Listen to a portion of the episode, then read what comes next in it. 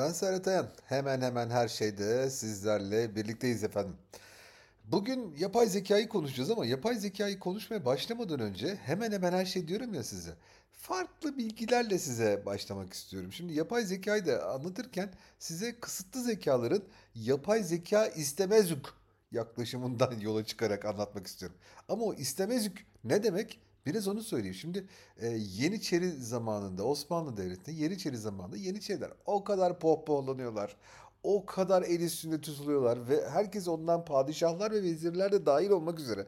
Herkes onlardan öylesine korkuyor ki artık adamlar şımarıklığın dibini görmüşler. Biraz da arkalarında böyle softaların, mollaların falan gazına gelmişler. Padişaha yok diyorlar ya onu istemezük. Şimdi ne zaman birisi istemezük dese hak etmediği bir yerde hak etmediği bir şeyi istemeyen yani olur olmaz her şeye karışan şımarıklık yapan adamları çağrıştırıyor. Şimdi yapay zeka istemezük lafını da biraz o gözle bakalım istiyorum sizlerle beraber. Şimdi e, yapay zekaya şöyle girelim ya isterseniz biraz tarihçesinden girelim. Yapay zeka benim, herkesin hep hayalini kurduğumuz bir şeydi. Filmlerde, romanlarda, gazetelerde, kısacası mümkün olan her yerde bir yapay zekadan bahseder. Derdik ya bir gelsin hayatımız bambaşka bir yere gelecek. Bambaşka bir hale gelecek diyorduk. E ondan beklentimiz neydi? Çok basit. Bizim için birçok bilgiyi elekten geçirsin, en doğruyu bulsun, sonra onları hayata geçirmemiz için bize gücünün yettiği kadar tüm desteği versin. Değil mi? Sonra ne oldu? Yapay zeka hayatımıza girdi. Ne yaptı? Bizim için birçok bilgiyi elekten geçirdi, bunları işledi, aralarından en doğrusunu çıkarttı. Bunlarla işlerimizi en doğru şekilde yapabilmemiz için gücünün yettiği desteği verdi. Yani en başta bizim hayal ettiğimiz şeyleri yaptı ve bunları gerçek hale getirdi. Peki biz ne yaptık? Bu yapay zeka hepimizi bitirecek ama engellemeliyiz bunu. O buy buy buy buy falan yapmaya başladık. Ne acayibiz biz ya. Ne acayibiz biz. Neyse efendim nesinden korktuğumuzla başlayalım isterseniz yapay zekayla.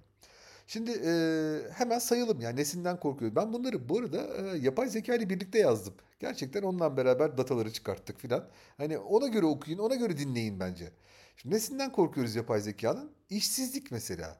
Yapay zekanın insanların yaptığı işleri devralması, işsizlik oranlarının artmasına ve bazı mesleklerin ortadan kalkmasına neden olabilir diyorlar. Olur mu? Olur. Muhakkak olacaktır. Yani yapay zeka geldiği için işinden olanlar asla o mümkün olmaz demek doğru olmaz yani. Ya gerçekten de yapay zeka gelince birileri işinden olacak. Ama yapay zeka kim ki insanları işsiz bırakacak ya? Şimdi ne yapıyor yapay zeka? Salak ve tekrarlı işleri elimizden almaya çalışıyor. Bu bir yazılım. Ve salak ve tekrarlı işleri yapmamak insanları işinden ediyorsa arkadaş onlar işsiz kalsın o zaman yani. Bir aşçı düşünün. Elinde patates var, soğan var. Bunları fıtı fıtı fıtı soyuyor. Fıtı fıtı fıtı fıtı rendeliyor filan böyle. Ve hayatını bundan kazanıyor. Adı ne? Aşçı. Sonra oraya bir tane mutfak robotu koyuyorsunuz. Mutfak robotu üz üz diye o bütün işleri iki saniyede yapıyor. Adam da ondan sonra ağlıyor. Uuu aşçılar işsiz kalacak. Uuu diye. Yok ya. E aşçılar patates, soğan soyarak mı para kazanıyorlardı? Eğer patates ve soğan soyarak para kazanıyorlarsa ve adlarına aşçı diyorlarsa arkadaş bir zahmet işsiz kalsınlar yani. O aşçılık mesleği de bitsin. Geçelim bir sonraki maddeye. Ön yargı ve ayrımcılık. Hele bak. Yapay zeka modelleri eğitim verilerindeki ön yargıları ve ayrımcılığı öğrenebilirmiş. Bu da sistemlerin cinsiyet, ırk ve diğer demografik faktörlere dayalı olarak yanlış ve adil olmayan kararlar vermesine yol açabilir diyorlar. Arkadaş bunun suçlusu yapay zeka mı? Hani şimdi lütfen ya. Cinsiyetçilik, ırkçılık yani bunun ye- şey gerçekten sorumlusu gerçekten yapay zeka mı? Yani ayrımcılık yapar. Bu arada yapay zekanın ayrımcılık yapmasından değil, ayrımcılığı öğrenmesinden korkuyoruz. Hele bakın ya cümleye bakın. Ayrımcılık öğrenmesinden korkuyoruz yapay zeka. Peki arkadaş bunun için yapay zekayı suçluyoruz ya. Yapay zeka nereden öğreniyor bunları? Uzaylılar gelip böyle "E, bana bak yapay zeka hadi sen ayrımcı ol da insanlar şey yapsınlar çöksünler falan mı diyor. Yok bayağı ırkçılığı ayrımcılığı bizden öğreniyor. Ve bu yani arkadaş lütfen yani. Ha, ne yapacaksınız ya? İnsanlığı mı yasaklayacaksınız insanlıktan öğreniyor diye? Yani bu bunu bir madde olarak getirmeyelim ne olur ya. Neyse geçelim bir sonrakine. Şimdi bu da çok konuşuluyor. Bu da en çok konuşulan maddelerden bir tanesi. Gizlilik ve veri güvenliği. Yapay zeka sistemleri büyük miktarda veri kullanıp çalışıp bu da e, gizlilik ve veri güvenliği endişelerine yol açıyormuş. Veri ihlalleri, izinsiz veri kullanımı, bireylerin mahremiyeti ihlal edilebilir diyorlarmış. Yani bunu hakikaten anlayamıyorum yani. Şimdi mesela Google ya. Google. Yani Google bizim her tür verimizi alıyor mu arkadaş? Bilgisayarımızdan tut, arama motorundan, e, cep telefonunun işletim sistemine kadar. Damar sertliğimizi biliyor, uyku düzenini biliyor, yediğimiz yemeğe baktığımız tarifi biliyor. Baktığımız çıplak kadın resimlerinde hani ne çeşit göğüs sevdiğimizi, saç rengi sevdiğimizi biliyor. E buna sesimizi çıkartmıyoruz. Diyor ki bunu biz bu verileri anonimleştiriyoruz. Biz hep anonim bakıyoruz. Hiç siz bilmiyoruz. Ha, tamam diyoruz biz de. Ay yedik bunu tamam diyoruz. Okey. Ondan sonra diyoruz ki e, işte bizim hayatımızı şey yapacak, değiştirecek yapay zeka bizim e, şeyleri datalarımıza bakar diye korkup ha o zaman yapay zeka gelmesin diyoruz. Arkadaş yani ben bunun arasında arkasında kötü niyet ararım yani. Gerçekten kötü niyet ararım. Yani devletler, şirketler bizim datalarımızı, verilerimizi böyle yalayıp yutuyor. Biz buna sesimizi çıkartmıyoruz. Yapay zeka öğrenince ama bu var ya bizi çok kötü yapar falan. Hadi canım sizde ya. Hadi canım sizde yani. Geçelim. Bir başka madde karar verme şeffaflığı. Şimdi yapay zeka modellerinin karmaşıklığı algoritmaların nasıl ve neden belirli kararlar aldığını anlamayı zorlaştırabiliyormuş. E bu şeffaflık eksikliğine yol açarak insanların e, yapay zeka sistemlere olan güvenini azaltabi- azaltabilirmiş. Bak bak bak bak bak. Hakikaten yani. Yani söylenenin abukluğuna bir bakın ya. Şimdi biz bir şeyin nasıl çalıştığını anlamazsak ona güvenmeyiz diyoruz. E peki uçağın nasıl çalıştığını biliyor musunuz ona binerken? Ha, bak flaplar açılıyor böyle. Motor arkada iyice fıt diye kalkıyor.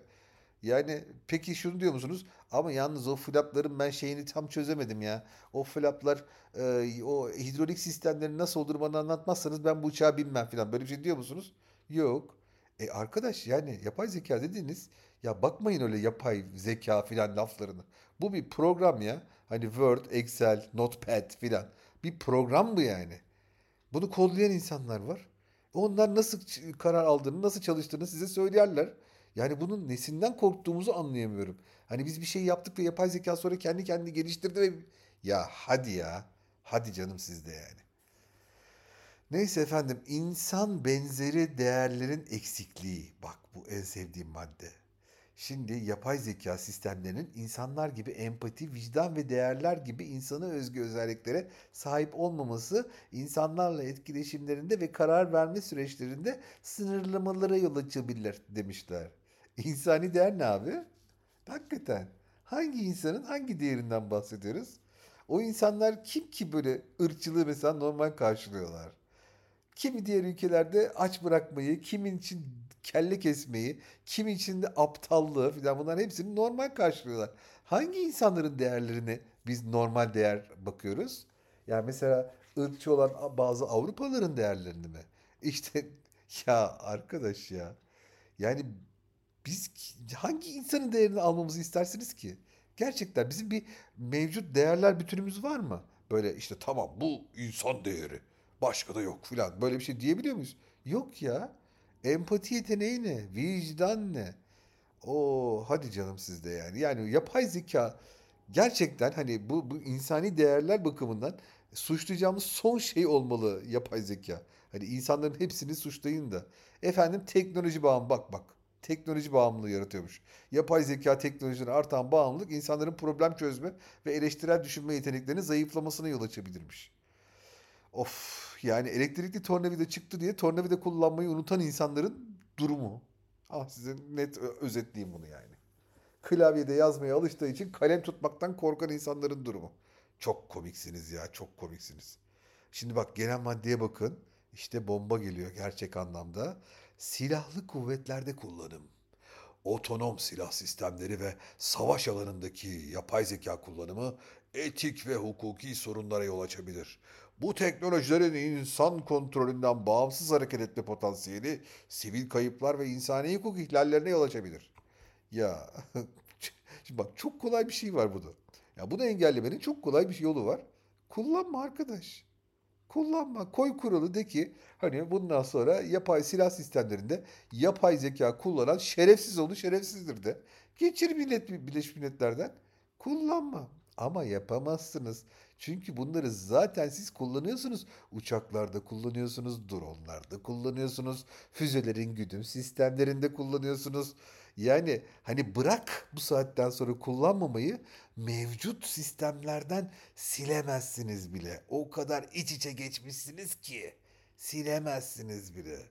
O yüzden de hani yapay zeka olmasın bittiri bittiri filan demeyin.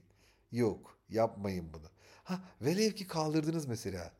Aranızdan bir tane ülke tamam abi yok ben böyle olmuyor ya ben yapacağım tekrar derse ötekiler uçarak onun içine tekrar girerler. Yani geçelim. Yapay zeka araştırmalarının yoğunlaşması. Bakın bakın şimdi bak bomba geliyor yani. Ha, gerçekten bomba geliyor. Şimdi yapay zeka araştırmalarının büyük teknoloji şirketlerine ve ülkelere yoğunlaşması teknolojinin eşitsiz bir şekilde dağılmasına ve belli bir grup tarafından kontrol edilmesine yol açabilirmiş. Hele bak. Yani şu anda mesela GSM teknolojileri tüm dünya hakim mi? Tüm dünya GSM teknolojilerinin her şeyini biliyor mu? Ya da işte ne bileyim e, ilaç teknolojileri, mesela yazılım teknolojilerinin hepsini bütün dünya biliyor mu? Donanım, ha? Uzay mesela.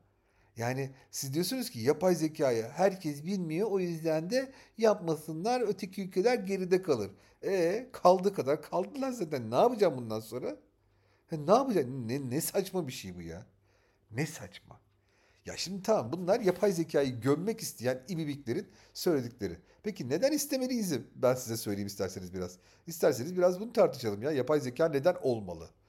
Bu, bu buradan gitmek esas daha doğrusu. Neden olmamalı değil. Şimdi yapay zeka mesela verimlilik artışı yaratıyor. Süreçleri otomatize ediyor. insanlardan daha hızlı çalışıyor. Daha doğru çalışıyor. Verimlilik veriyor. Maliyet tasarrufu sağlıyor. İşletmelerin daha hızlı büyümesini sağlıyor. Mesela insan hatalarını azaltıyor yapay zeka sistemleri. İnsanların yapabileceği hataları önemli ölçüde azaltıyor. Çünkü neden? Ee, karmaşık ve tekrarlayan işlerde insanlar sıkılıyorlar bir süre sonra. Ha hızlı veri analizi yapıyor. Büyük miktarda veriyi hızlı bir şekilde analiz ediyor. Ondan sonra e, üstünden geçiyor. Bilgi daha fazla bilgi elde etmemizi sağlıyor. İş süreçlerinde iyileştirmeler yapıyor. Ondan sonra ne bileyim tıbbi alan ve sağlık hizmetlerinde mesela acayip uygulamalar geliyor yapay zekada. Hani doktorlar artık kanseri böyle bir, bir şey verip e, bütün bütün o kanser vakalarını mesela yapay zekadan geçirdikten sonra diyorlar ki abi böyle bir patern oluşturduk biz. Böyle bir doku oluşturduk. Sen buna göre bak diyorlar ve yapay zeka %99.99 gibi böyle bir olasılıkla çat diye birinin kanser olup olmadığını ve hatta tedavisini zırt diye söyleyebiliyor size. Eğitim mesela. Eğitime çok daha sonra geleceğim tekrar tekrar. Mutlaka üstünden geçeceğim eğitimin. Eğitim alanında müthiş ya. Müthiş şeyler sağlıyor. Öğretmenlerin acayip iş yükünü alacak üstünden. Öğrencilerin daha iyi destek almasına yardımcı olacak. Burada burası çok önemli. Burada da bitmiyor. Çevresel koruma var mesela. Yapay zeka enerji tüketimini optimize ediyor. İklim değişiklikleriyle ilgili verileri analiz ediyor. Çevresel koruma, sürdürülebilirlik çabalarına katkıda bulunuyor. Ulaşım ve seyahatte mesela acayip otonom araçlar yapıyor. Biliyorsunuz yapay zeka ilk orada duymaya başladık. Daha doğrusu en etkin şekilde orada duymaya başladık. Otonom araçlar, trafik yönetimi, seyahat planlaması falan bunlar şaka değil. Ee, mesela engelli bireyler için mesela erişilebilirlik teknolojileri geliştiriyor yapay zeka. Hani yürüme zorluğu olan insanlara takılan aparatları yapay zeka kullanıyor. Müthiş şeyler bunlar. Ha yaratıcılık ve eğlenceyi zaten görüyorsunuz şu anda. Hani bayağı bir müzik, sanat, oyun, film filan yapay zeka orada duruyor yani. Peki yani korkuyoruz. Hani bu kadar da güzel şeyler yapıyor ya yapay zeka. Arkadaş peki nasıl kontrol edeceğiz? Hadi onu konuşalım biraz. Yani yasal düzenlemeler var. Ne diyor? Yapay zeka teknolojilerinin kullanımı ve geliştirilmesi ilgili yasalar ve düzenlemeler oluşturup yapay zekanın uygun şekilde kullanılmasını sağlamak önemli deniyor. Evet, bu düzenlemeler veri gizliliği, algoritmik şeffaflık ve hesap verebilirlik gibi konuları kapsamalıdır deniyor. Ama yapay zeka evrensel bir varlık olmaya aday. Yapacağınız yasal düzenlemeler tüm dünyada aynı ses ve bakış açısıyla düzenlenmeli ve uygulanmalı.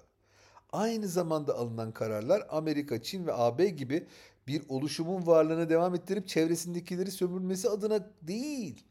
Yani şu anda öyle kullanılmaya çalışılacak. Dünyada işte diyoruz ya iki kutup kaldı, üç kutup kaldı. Peki hadi gırtlarını sıktık, üç buçuk, dört kutup var. E ondan sonra onlar e, ne derse o olsun da etrafını daha iyi sömürsünler. Biz böyle çalışıp adamların bize e, bir iPhone'u satabilmesi için e, beş ayımızı verip çalışacak mıyız? Bunlar böyle bir şey olmamalı. Gerçekten insanlık için olmalı. Yani mesela Tanzanya ile Kanada bundan eşit derece karlı çıkmalı. Yapabilir misiniz bunu? Mümkün mü? Bence değil. Peki etik kurallar ve rehberler yapay zeka uygulamalarının geliştirilmesi ve kullanılması için etik kurallar ve rehberler oluşturmak teknolojinin adil ve insancıl bir biçimde kullanılmasını destekler denmiş. Bu rehberler yapılan e, araştırmaların ve uygulamaların ahlaki ve etik standartlara uygun olmasını da sağlarmış. Bu arada e, siz bu yapay zeka yazmıyorsunuz, insanlara yazıyorsunuz bunu. Dolayısıyla şunu düşünmemiz lazım. Kanunlarımız varken biz buna uyuyor muyuz? Yani yapay zeka büyük faydalar sağlamamız gereken yerde bu etik kurallara uyacak mıyız, uymayacak mıyız? Yani şöyle, şimdi siz sanıyorsunuz ki yap, biz kanun çıkarttık, yapay zeka bana bak bu kanunlara uy dedik. Hayır, yapay zeka bir uygulama, yapay zeka bir sandalye, yapay zeka bir masa. Yani yapay zeka aslında bir alet, edevatlar bütünü. Onların bir kanuna uyması ya da uymaması gibi bir şey söz konusu olamaz. Onu hayata geçiren insanların kanuna, ahlaka, etik kurallara uyması lazım. Ama bunu anlamıyorsunuz ki siz. Şeffaflık ve açıklık tarafına girelim biraz. Neymiş bu? Yapay zeka algoritmalarının ve sistemlerinin şeffaflığını ve açıklığını artırmak, kullanıcıların ve düzenleyicilerin e, yapay zeka uygulamalarının nasıl çalıştığını, hangi amaçlarla kullanıldığını anlamalarına yardımcı olur diyoruz. Ama bu her şey için gerekli yani. Gerçekten de iktidarın yaptığı harcamalar için de gerekli. Belediyenin atacağı adımlar için de gerekli. Microsoft'un işletim sistemi ve Google'ın veri toplamasını sorgulamadan ama yapay zeka da çok şey derseniz kendinizi bambaşka bir salak bir konuma sokarsınız. Ha yapmayın demiyorum ama hayatta tek sorumluluğunuz da yani yapay zeka olmasın. Ha gerçekten yani şeffaflık bilmem ne filan falan tamam ya. Bunlar çok güzel sorgulayın. Ama ne bileyim hükümetin size yaptıklarını sorgulamıyorsunuz. Adamların e, kapalı oturumlarda ne konuştuklarını sorgulamıyorsunuz. Amerika'nın bilmem neyin şirketlerle ne konuştuğunu sorgulamıyorsunuz. Ama onları sorgulayamadım ama yapay zeka sorgulansın. İyi sorgula hadi. Bir de denetim ve sertifikasyon tabii. Bu önemli. Bu, bu önemli hakikaten. Evet, yapay zekanın uygulamaların denetlenmesi ve sertifikalandırılması gerekiyor. Yapay zeka teknolojilerinin uygun standartlara ve düzenlemelere uyduğundan emin olmak önemli. Ee, hani şöyle bir laf var bakın Latince'de bilir misiniz bilmiyorum. Quis custodiet ipsos custodes. Yani laf şuna geliyor tam anlamıyla. Bizi koruyanları kim koruyacak diyor bu laf. Yani şimdi mesela denetim açısından baktığımızda bu lafı şöyle çevirmemiz lazım. Güzel denetlensin, denetlen, denetleyelim. Ama bunu denetleyenleri kim denetleyecek? Yani bunu denetleyenler gerçekten işlerini iyi yapacaklar mı ya da ahlaki olarak yapacaklar mı? Etik kurallara onlara uyacaklar mı bunları etik kurallar getirirken? Bana sanki pek öyle olmayacakmış gibi geliyor. Ve son madde de şu araştırma, geliştirme ve katılımcı tasarım. Evet ya yapay zekayı mesela bu anlamda aslında e, açık kaynak kodlu gibi geliştirilmeli yapay zeka. Ve e, bunun hani ne bileyim e, bu teknolojilerin şeffaflığı, etik kullanımları ilgili e, araştırmalar teşvik edilmeli. Olumsuz etkilerini azaltacak, kontrol edecek şeyler, yaklaşımlar geliştirilmeli. Ama yani açık kaynak kodlu olursa bu içine ne koyduğumuzu, ne gittiğini, hani orada oranın nasıl kendini geliştirdiğini filan bunları açık kaynak kodlu olarak geliştirirsek insanlık için yapılmış en iyi adımlardan bir tanesi olur. Peki hani şimdi hep söylüyoruz ya, ya bu yapay zeka çok şey ya bu yapay zeka bize bunu yapacak onu yapacak filan falan diye. Peki gerçekten sizce teknoloji korkusu yeni mi? Yapay zeka ile hayatımıza giren bir şey mi? Z kuşağı size sesleniyorum. Yok ya size niye sesleneyim? Ee, gerçekten değil. Şimdi bakın mesela hemen örnekler vereyim size. Buhar makineleri ve endüstriyel devrim diye bir şey var hatırlarsınız bunu. 1800'lerden, 1900'lerden, 18. 19. yüzyıldan. İlk çıktığında bu e, buhar makineleri ve endüstriyel aletler yüzünden işsiz kalacaklarını söyleyen, bunun için ağlayan filan insanlar varmış ya.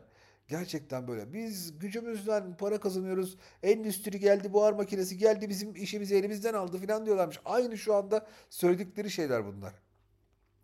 Mesela İngiltere'de tekstil sektöründe mekanik tezgahları ve buhar gücüne geçiş için işçilerin işini kaybetmesine neden olmuş.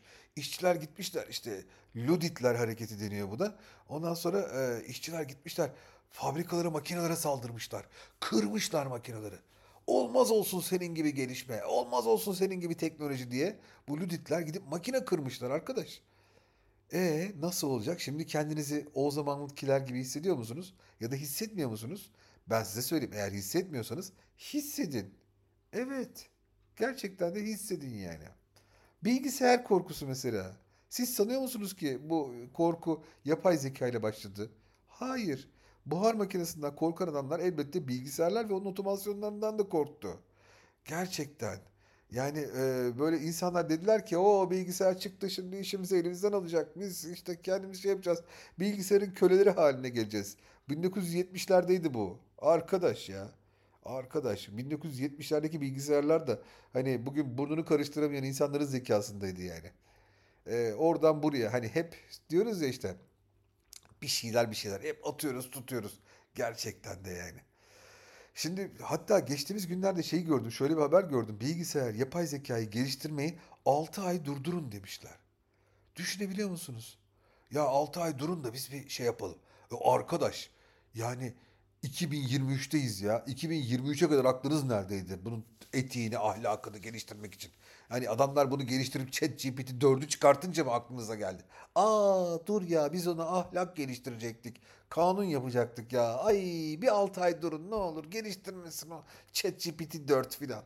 Ne yapıyorsunuz siz ya? Gerizekalı mısınız?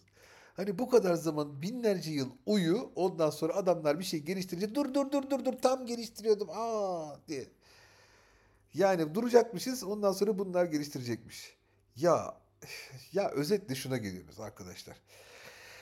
Yani yapay zeka dediğimiz şey gerçekten hayatımızı çok değiştirecek. Gerçekten bizi çok kurtaracak ve gerçekten de bizim daha iyi bireyler olmamızı sağlayacak. İş olarak, kafa olarak, yaptığımız şeyler olarak gerçekten ve hatta yaratıcılık olarak bizi bambaşka bir yere götürecek.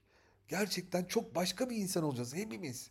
Bunu göreceksiniz. Yapay zeka bunu verecek. Ben size bunun sözünü veriyorum. Ama yani bunlardan biz çok korkuyoruz. Bunlardan biz çekiniyoruz. Bu bizim ya bırakın Allah aşkına şu şeyi ya. Bu Terminator kafası ya. Gerçekten Terminator kafası yani. O Sarah Connor yani gerçekten şaka yaptı. O bir film. Gerçek değil. Gerçekten gerçek değil yani. Öyle bir şey oldu. Onun bile içinde iyi yapay zekalar vardı. Arnold başta kötüydü ama sonra iyi oldu yani. Öyle düşünün. Yapay zekadan korkmayalım ya. Ne olursunuz yapay zekaya olabildiğince destek verin. Bunu hak ediyor. Biz de bunu hak ediyoruz yani. Bu tür güzellikleri hak ediyoruz. Ben Serhat Ayan. Bana her daim Serhat Ayan adıyla ulaşabilirsiniz. Tüm sosyal medya varlıkları üzerinden. Hemen hemen her şeyi dostlarınızla, arkadaşlarınızla, herkesle paylaşın. Ama bir sorunuz varsa da mutlaka sosyal medyadan bana gelin. Beraber çözelim. Beraber yeni konular bulalım. Hepinize mutlu günler diliyorum. Hoşçakalın.